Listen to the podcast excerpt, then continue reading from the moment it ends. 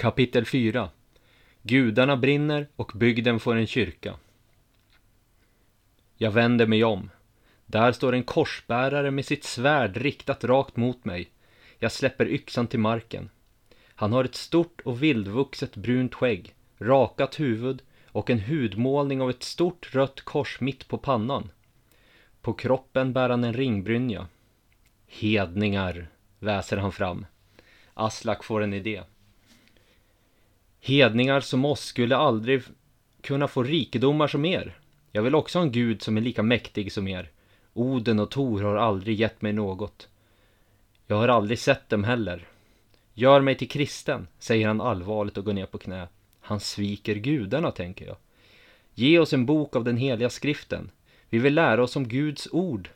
Vi lovar att lära oss latin, nästan gråter han fram. Korsbäraren ser tveksam ut. Efter ett tag så sänker han sitt svärd. Det är av yttersta vikt att ni slutar att leva era liv i synd, säger han och stoppar svärdet i slidan. Följ med mig, fortsätter han. Han vänder sig om och börjar att gå. Jag och Aslak tittar på varandra. Vi vet inte vad vi ska göra. Han går längs en stig i skogen, sannolikt mot korsbärarnas läger. Vi följer motvilligt efter. Skulle vi kunna springa iväg, tänker jag.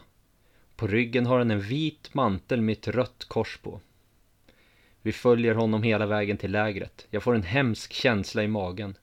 Väl i lägret är det full fart. Det avlånga vita tältet står kvar.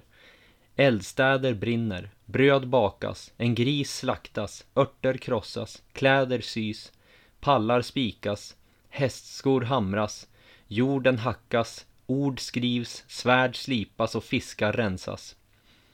Korsbärarna tittar misstänksamt på oss när vi kommer dit. Korsbäraren, med korset i pannan, leder oss fram till en äldre skäggig man som sitter vid ett litet bord och skriver. Han använder sig av en stor korpfjäder som han droppar i ett litet kärl med bläck. Sedan målar han ömt med den på ett ljusgult pergament. Han är helt inne i sitt arbete. Pergamentet fylls med ord. Korsbäraren harklar sig för att få hans uppmärksamhet. Mannens blick lämnar pergamentet. Dessa två hedningar vill lära sig om Gud. Jag hittade dem när de snokade omkring bland skeppen. De har lovat att lära sig latin om de får den heliga skriften, säger korsbäraren. Aslak och jag säger ingenting. Bara vi kommer härifrån, tänker jag. Mannen ser betänksam ut. Guds vilja är stark. Vårt arbete ger frukt, säger mannen. Han sträcker sig ner och tar upp en tygsäck. Den är full av böcker och ihoprullade pergament. Han lyfter blicken och tvekar ett tag. Sedan fortsätter han att rota i säcken. Vårda den ömt. Det är Guds ord, säger han och sträcker fram en bok med ett kors på. Aslak tar emot den och tackar. Jag tackar också. Korsbäraren och mannen är nöjda. Jag och Aslak börjar sakta smyga oss ut ur lägret. När vi når skogen pustar jag ut. Aslak har boken i sin hand. Vi pratar om vad vi ska göra med den. Boken är ju gift för sinnet. Den kan ju förvrida våra sinnen. Vi vågar inte ens öppna den. Det slutar med att vi går in en bit i skogen och kastar in den i ett övergivet rävgryt. Här får ni rävar. Guds ord, säger Aslak när han kastar in boken. Allt vad han kan. Vi skrattar. Det har varit en lång natt och morgon. Vi säger farväl till varandra och går hem till våra respektive föräldrars gårdar. Ett halvt månvarv passerar utan att märkas. Kråkrune borde vara hemma nu. Han kanske har med sig krigare från Fröberga, hitresta för att driva bort korsbärarna, tänker jag. Jag måste bege mig dit, jag bara måste. Jag väntar till solen går ner. Jag går genom skogen mot lägret, hoppas att Kråkrune är tillbaks. Jag närmar mig lägret. Jag ser ett par eldar där framme. I skogen är det mörkt och tyst. Jag smyger mig fram för att begrunda. Lägret är stillsamt. En handfull korsbärare sitter kring en liten eld och pratar högljutt. De har säkert vakter som patrullerar skogen också. Jag smyger mig närmare, alldeles intill lägret. Inga tecken på att Kråkrune har kommit tillbaks. Korsbärarna kanske har dräpt honom för länge sedan. Till och med grävt ner honom i marken.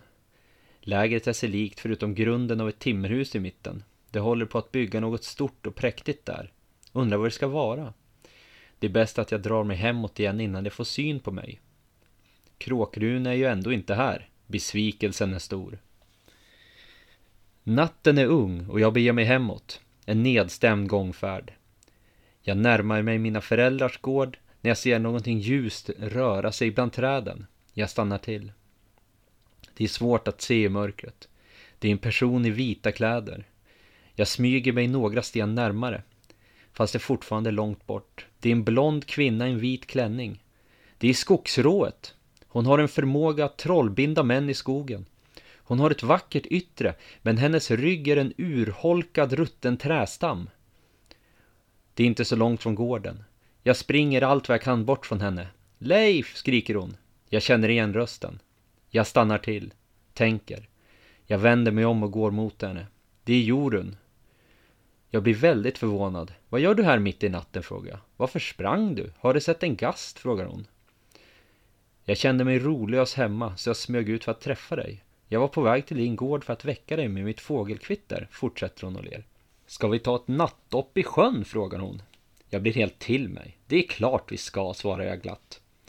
Vi går tillsammans, hand i hand ner till sjön.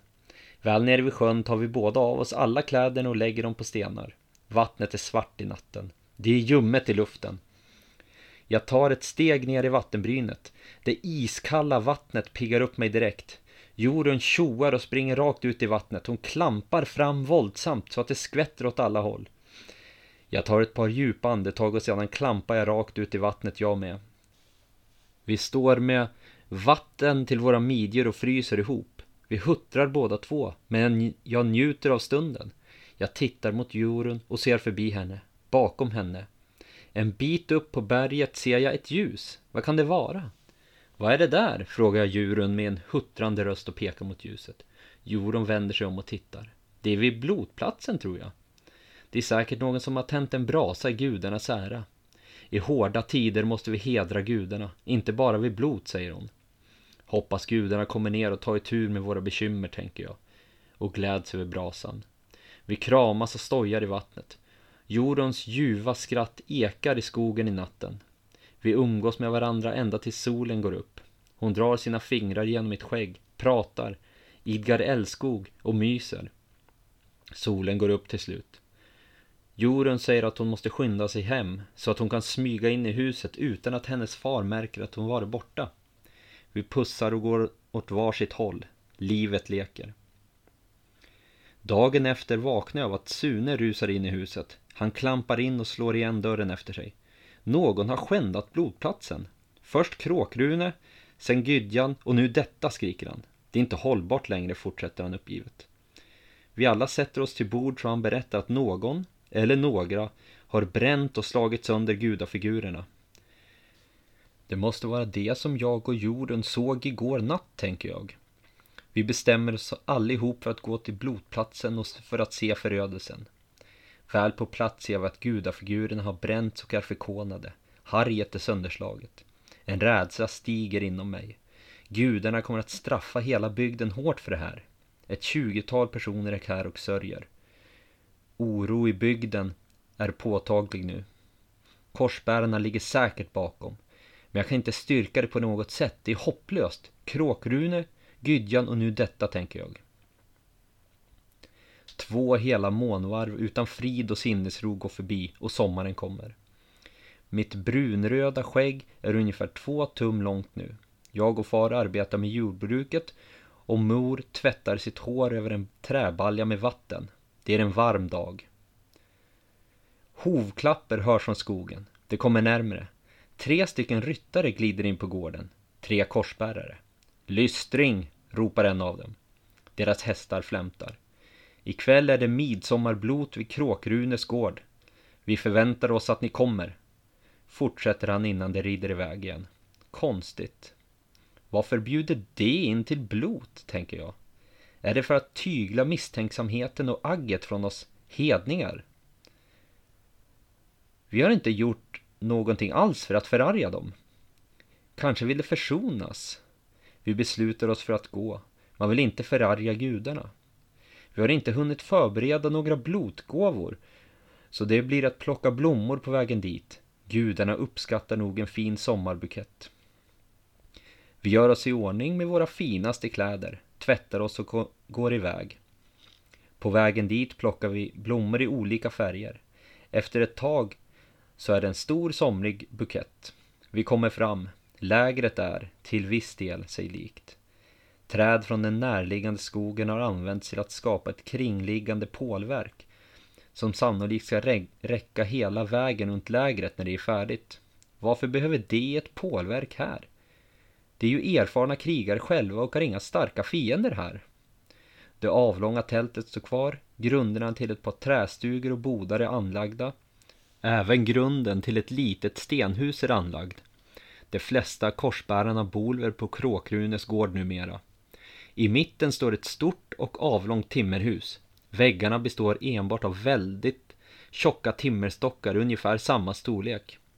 Det verkar bara ha valt det finaste timmer för detta hus. Taket är gjort av trä. Korsbärarna har varit väldigt flitiga. Byggnaden måste vara minst tre famnar hög och ganska lång och har en stor och vacker träport. Utanför porten står ett stort träkors nerbankat till marken.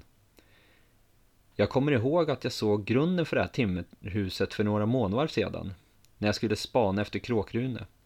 Ett trettiotal hedningar är på plats. Det står mitt i lägret och ser osäkra ut. Vissa har med sig blotgåvor, blommor, bröd, träfigurer och annat. Det är nog många som inte vågar ta sig hit och många som inte vågar tacka nej till inbjudan. Torsten av Söderhus och hans fru är här, men inte Jorun. Alla hedningar står tillsammans. Stämningen är låg och ingen säger så mycket. Korsbärarna står lite utspritt, men de allra flesta står utanför det stora timmerhuset. Eskil kommer ut ur tältet, iklädd samma mantel som han hade på jordfästingen. Han ser allvarlig ut när han går fram till oss hedningar med bestämda steg. Han begrundar oss. Det blir inget midsommarblot, ropar han ut. Den här bygden ska inte längre hedra falska gudar. Den som ertappas med att blota på hedniskt vis kommer att straffas. Det är Guds lag. Bakom mig är Guds hus, ropar han och pekar på timmerhuset. Det kallas för kyrka. Ni som vill hedra högre makter kan göra det här, fortsätter han. Förbjuda blot. Det måste verkligen förarga gudarna. En idé kommer till mitt sinne. Jag får nog av det här lägret. Jag säger ingenting och bara går härifrån rakt ut i skogen. Jag tittar inte ens bakåt. När jag når skogen börjar jag att springa. Jag vill till Jorun. Mitt sinne orkar inte med korsbärarna längre. Det har förstört allt. Bygden har förändrats fullständigt. Nu känns allt hopplöst. Jag går hela vägen till Söderhus och Jorun. Hennes föräldrar är ju hos korsbärarna, eller på väg därifrån. Det är i alla fall inte här på ett tag. Jag knackar på och Jorun öppnar dörren. Underbar som alltid. Jag berättar om midsommarblotet och Eskils tal. Jag har en idé, säger jag och tar Joruns hand i min och en klyvyxa från huggkubben i den andra. Jag drar med henne ut i skogen. Vi stannar först när vi kommer fram till en stor vildvuxen ask. Det här blir perfekt. Gå och plocka en bukett blommor och kom sedan tillbaka hit, säger jag till Jorun. Visst, svarar hon förvirrat och rynkar på näsan och drar ihop ögonbrynen. Hon går iväg och börjar att plocka blommor. Jag tar fram klyvyxan och börjar hugga på trästammen. Det ekar av varje hugg jag gör mot det hårda trädet. En skrämd ekorre flyr upp i trädkronan. Det jag hugger fram börjar sakta att arta sig. Det är ett ansikte. En mun och två ögon. Ett öppet och ett stängt. Joron kommer tillbaks med en liten fin bukett. Hon tittar förvånat på ansiktet i trästammen. Det är Oden, den enögde asen, säger jag till henne. Vi ska blota du och jag. Blommorna är våra gåvor och ansiktet i asken symboliserar allfadern, fortsätter jag. Joron lägger varsamt ner buketten framför trädet. Vi tar varandra i handen och reser våra armar mot himlen. Häll Oden, börjar jag med att säga.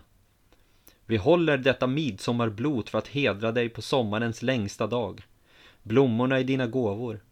Vi vet att du ser allt. Vi ber dig. Rid din åttabente häst Sleipner ner från Asgard och kasta ditt spjut Gungner som alltid träffar sitt mål. Nedslå våra fiender som vi fått här i bygden, fortsätter jag. Det blir tyst. Undrar om han lyssnade, tänker jag. Vi sänker våra armar. Då är det färdigt. Det är bäst att jag går hem nu. Mor och far är nog hemma nu. Men jag är glad över att vi gjorde det här. Gudarna uppskattar nog inte ett missat blod, säger Jorun. Vi säger farväl och går åt varsitt håll. Jag kommer hem till gården och solen går ner. Jag går och lägger mig i sängen och drar täcket över ansiktet och försöker sova. Rätt som det är så bankar det på dörren. Så här sent på kvällen? Kan det vara korsbärare? Jag studsar upp ur sängen och smyger sakta fram till dörren. Min far kommer också till dörren. Jag öppnar sakta. Det var på tiden, säger Aslak utanför dörren. Jag och far pustar ut. Vad gör du här så här sent, frågar jag. Torsten av Söderhus kallar till ett hemligt möte vid Storstenen. Nu på en gång. Ta på er kläderna. Jag springer över till din bror och väcker honom, säger Aslak och springer iväg. Ett hemligt möte, tänker jag. Vi tar på oss våra kläder och gör oss redo. Efter en stund kommer Aslak och Sune springande. Vi går tillsammans till storstenen vid vattnet. När vi kommer fram ser vi att det inte är några facklor som lyser upp mötet den här gången. Sommarnatten är ljus nog ändå. Mötesdeltagarna står i, i en mindre ring. Stämningen är allvarlig. Ett tjugotal har kommit. Jag, min storebror, min far och Aslak är här. Torsten av Söderhus tar ordet. Nu har det gått på tok för långt. Korsbärarna måste drivas från bygden. De har försökt söndra våra gudar och vår sed. De har sannolikt redan mördat Kråkrune, Gydjan, bränt gudafigurerna och nu förbjuder det blod, säger han.